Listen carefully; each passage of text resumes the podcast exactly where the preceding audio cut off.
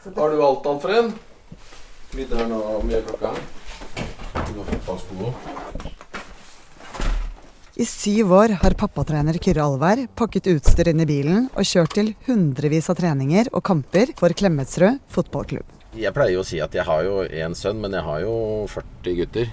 Takket være foreldre som han, så kan fotballaget eksistere. Velkommen til eh, Mortensrud idrettspark. Lett nedslitt. Men nå er det noe som murrer på norske idrettsbaner.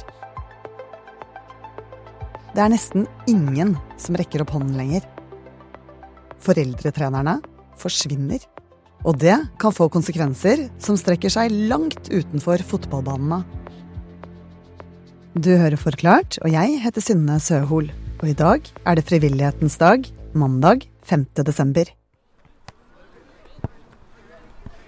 Ok, Alfred, skal du vise halvhøyt? Da jeg besøkte Mortensrud idrettspark, så så jeg at det var et ganske så sliten sted. En uh, skitten grå plasthall som står, uh, har stått der 20 år på overtid. Brakker der isoleringsull og plast tyter ut mellom plankene. Iskald brakkekontorbygg. En dodør med et håndtak med, som sto i fare for å falle ut hele tiden, med en advarsel om å ikke dra for hardt. Birgitte Iversen, Oslo-journalist i Aftenposten, hun skriver om barneidrett og frivilligheten som forsvinner. Og her så klorer eh, Klemetsrud idrettslag seg fast. Eh, klubben har en annen og mye større utfordring, og det er en foreldreutfordring. Ja, det, det er mye. Eh, du merker jo det at eh, med tre fotballkamper i uka, så, så blir jo alt det andre ekstra, da. Altså, jeg tror alle kan greie tre kvelder i uka, men fire, fem og seks kvelder blir tøft, da. Det gjør det jo. Men igjen, det er nå, det er nå sønnen min vok vokser opp. Det er nå på en måte han og hans venner trenger folk da, rundt seg. Kyrre Alvær, som vi hørte her, han eh, gjør jo en kjempeinnsats. Hvor viktig er sånne bidrag i barneidretten? Alle som har vært med på et idrettslag eller en eh, aktivitet selv som barn, husker kanskje at det stort sett alltid var en flokk med mammaer og pappaer i bakgrunnen, som trenere, som satt i styret, var kasserer, solgte pølser. Og her er Norge litt uh, annerledes enn mange andre land, uh, ved at uh, man er så avhengig av at det er foreldrene som skal gjøre jobben. Så det er ikke tvil om at den foreldrefrivilligheten er, det er bærebjelken i norske barns fritidsaktiviteter. Men nå sliter Klemetsrud IL med dette? Ja, de har altfor få som kan være trenere, som vil sitte i styret, som kan gjøre alle de små og store oppgavene som trengs. Og det har de slått alarm om. Og klubben er ikke alene. Det samme skjer flere steder på østkanten. En undersøkelse som Norges Fotballforbund gjorde i Groruddalen i 2012, viste at 85% av klubbene sa at mangel på frivillige er en stor utfordring. Og bildet er det samme i dag. Det å få nok frivillige har blitt et problem over hele landet. Og det er litt rart, fordi egentlig så melder vi at vi gjør mer frivillighet i dag enn for eksempel på slutten av 1990-tallet. Men frivilligheten har endret seg litt. Vi liker å gjøre mer kortsiktige ting, kanskje mer selvrealiserende ting. Og så ser vi en særlig utfordring i de områdene hvor det er en stor minoritetsandel. I Oslo typisk Oslo øst sørøst. Der hvor eksempel Klemetsrud idrettslag ligger. Ja, hva er det som er problemet i disse områdene? Ja, det er um, hovedsakelig fire årsaker. Det ene handler om eh, dårlig økonomi, levekårsstress. Mange har, må jobbe mye, de har store barneflokker. De jobber ofte til ugunstige tider, kveldstid. Det er vanskelig å ha frivillige verv når du ikke har fleksible jobber. Og også når du har mange barn å følge opp. Eh, det handler også om at disse områdene typisk er preget av mye til- og fraflytting. Så er det også noe om kunnskap og manglende forståelse for den norske dugnadsmodellen. En typisk misforståelse er jo at uh, den mamma- eller pappatreneren som står der, er betalt. Informasjonen gis stort sett på norsk, så her er det et stort kommunikasjonsgap. Uh, den fjerde årsaken, den handler litt om hvordan klubbene jobber for å rekruttere. Det er liksom de samme folka som gjerne ligner på hverandre, som rekrutterer hverandre, bytter på posisjoner. De uh, blir utslitte og frustrerte, og så kan man jo si ja, man kan ikke bare da spørre noen andre, lage en uh, rekrutteringsstrategi, um, men det er jo da veldig vanskelig å pålegge dem når de uh, er for få fra før og står til knes da i alle mulige daglige oppgaver. Og for disse klubbene blir det da en ond sirkel. Ja, så det er egentlig en frivillighetskrise i Oslo øst, men hva med vestkanten da? Jo, de har problemer med å få nok foreldre der òg, men der har de løst det på en helt annen måte.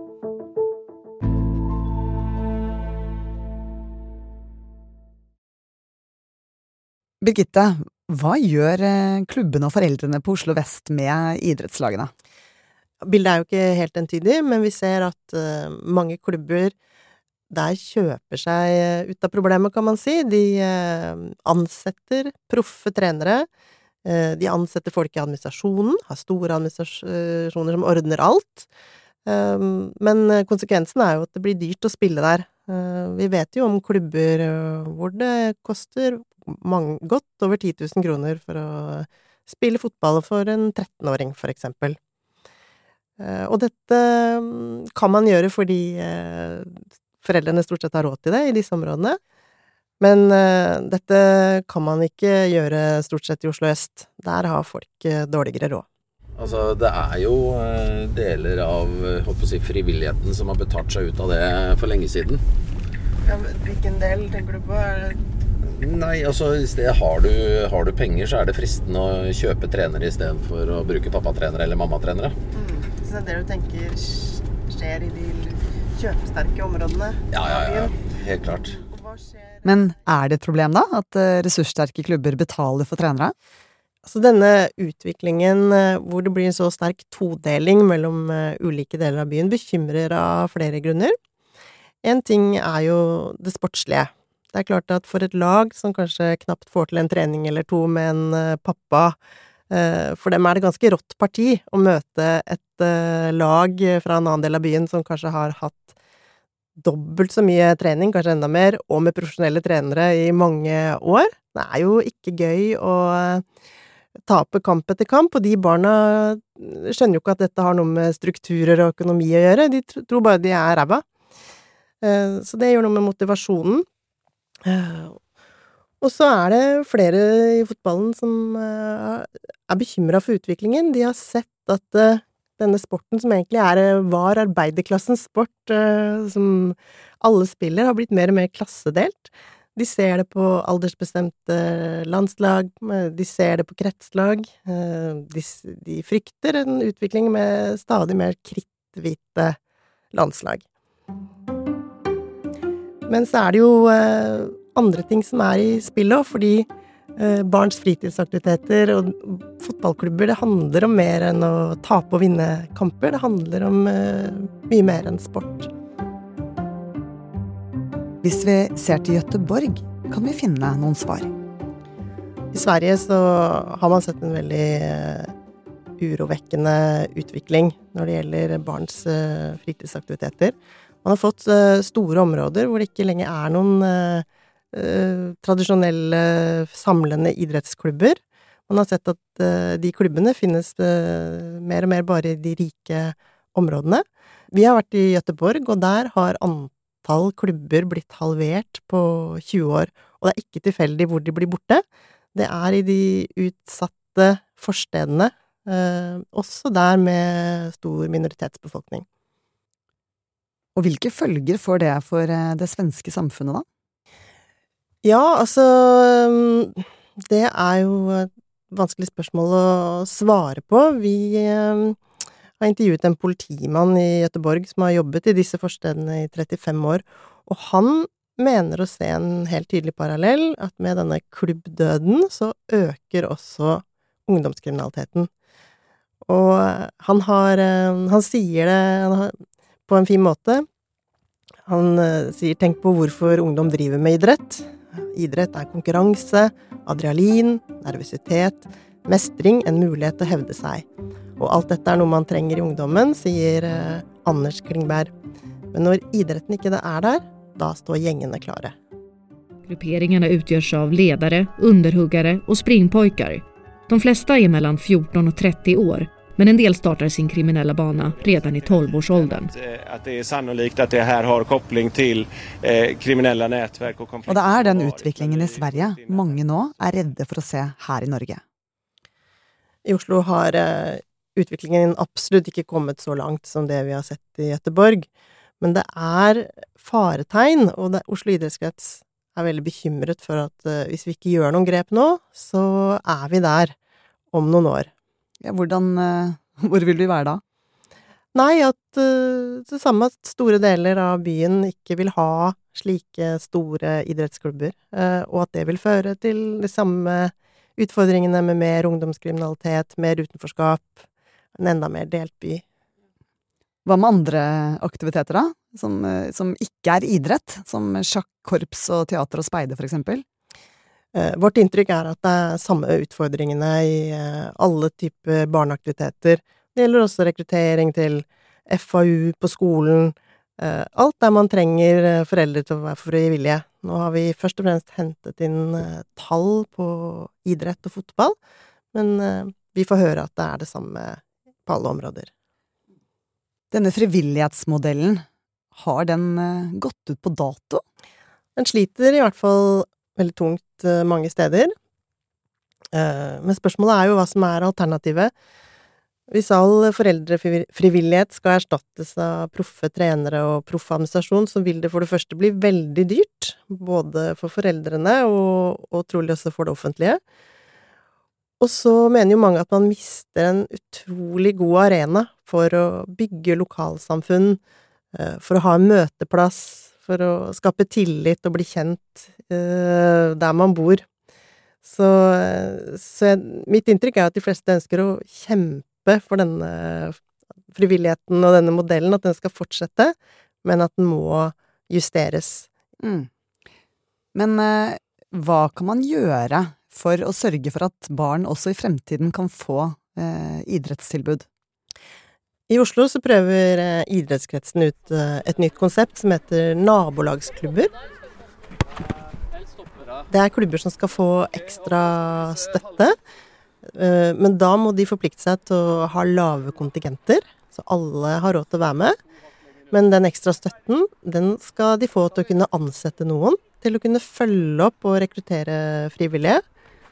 Og dessuten så skal de få penger til å trene og kurse egne ungdommer til å bli trenere og ledere. Og det, er, det ser de på som en viktig uh, mulighet i områder hvor man ikke får foreldrene til å stille opp. Så kan ungdommene komme inn og bli den viktige nye generasjonen. Så dette er jo en uh, ny erkjennelse av at offentlige må inn og støtte klubbene i disse områdene hvis de skal klare å overleve. Men som eh, de sa på Klemetsrud IL, som vi besøkte, det vil koste, men spørsmålet er om eh, samfunnet har råd til å la være.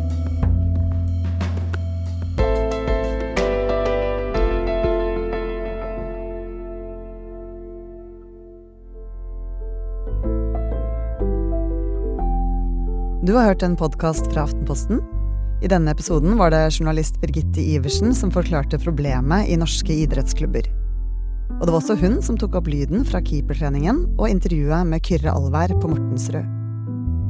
Og i tillegg har vi fått hjelp fra Aftenposten-journalist Adriane Lilleskaret Lunde. Lyden ellers er hentet fra NTB og Aftonbladet.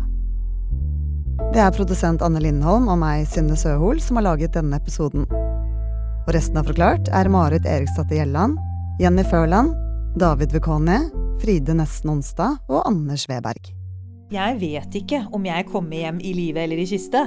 Hun fikk en dødelig diagnose, men nekta å gi opp. I et halvt år har vi fulgt kreftsjuke Shabana Rehman. Nå tenker jeg at vet du hva, jeg har lyst til å leve. Men hvor kom denne kampgløden fra? Da trenger jeg deg her, mulla Krekar. I 25 år har hun prega samfunnsdebatten Og det hun gjør da, det er at hun kysser meg. Det har kosta. Det føltes ut som et ordentlig drapsforsøk, ikke sant? Er det krigserklæring, liksom? Shabanas verden. En dokumentarserie i seks episoder fra Aftenposten.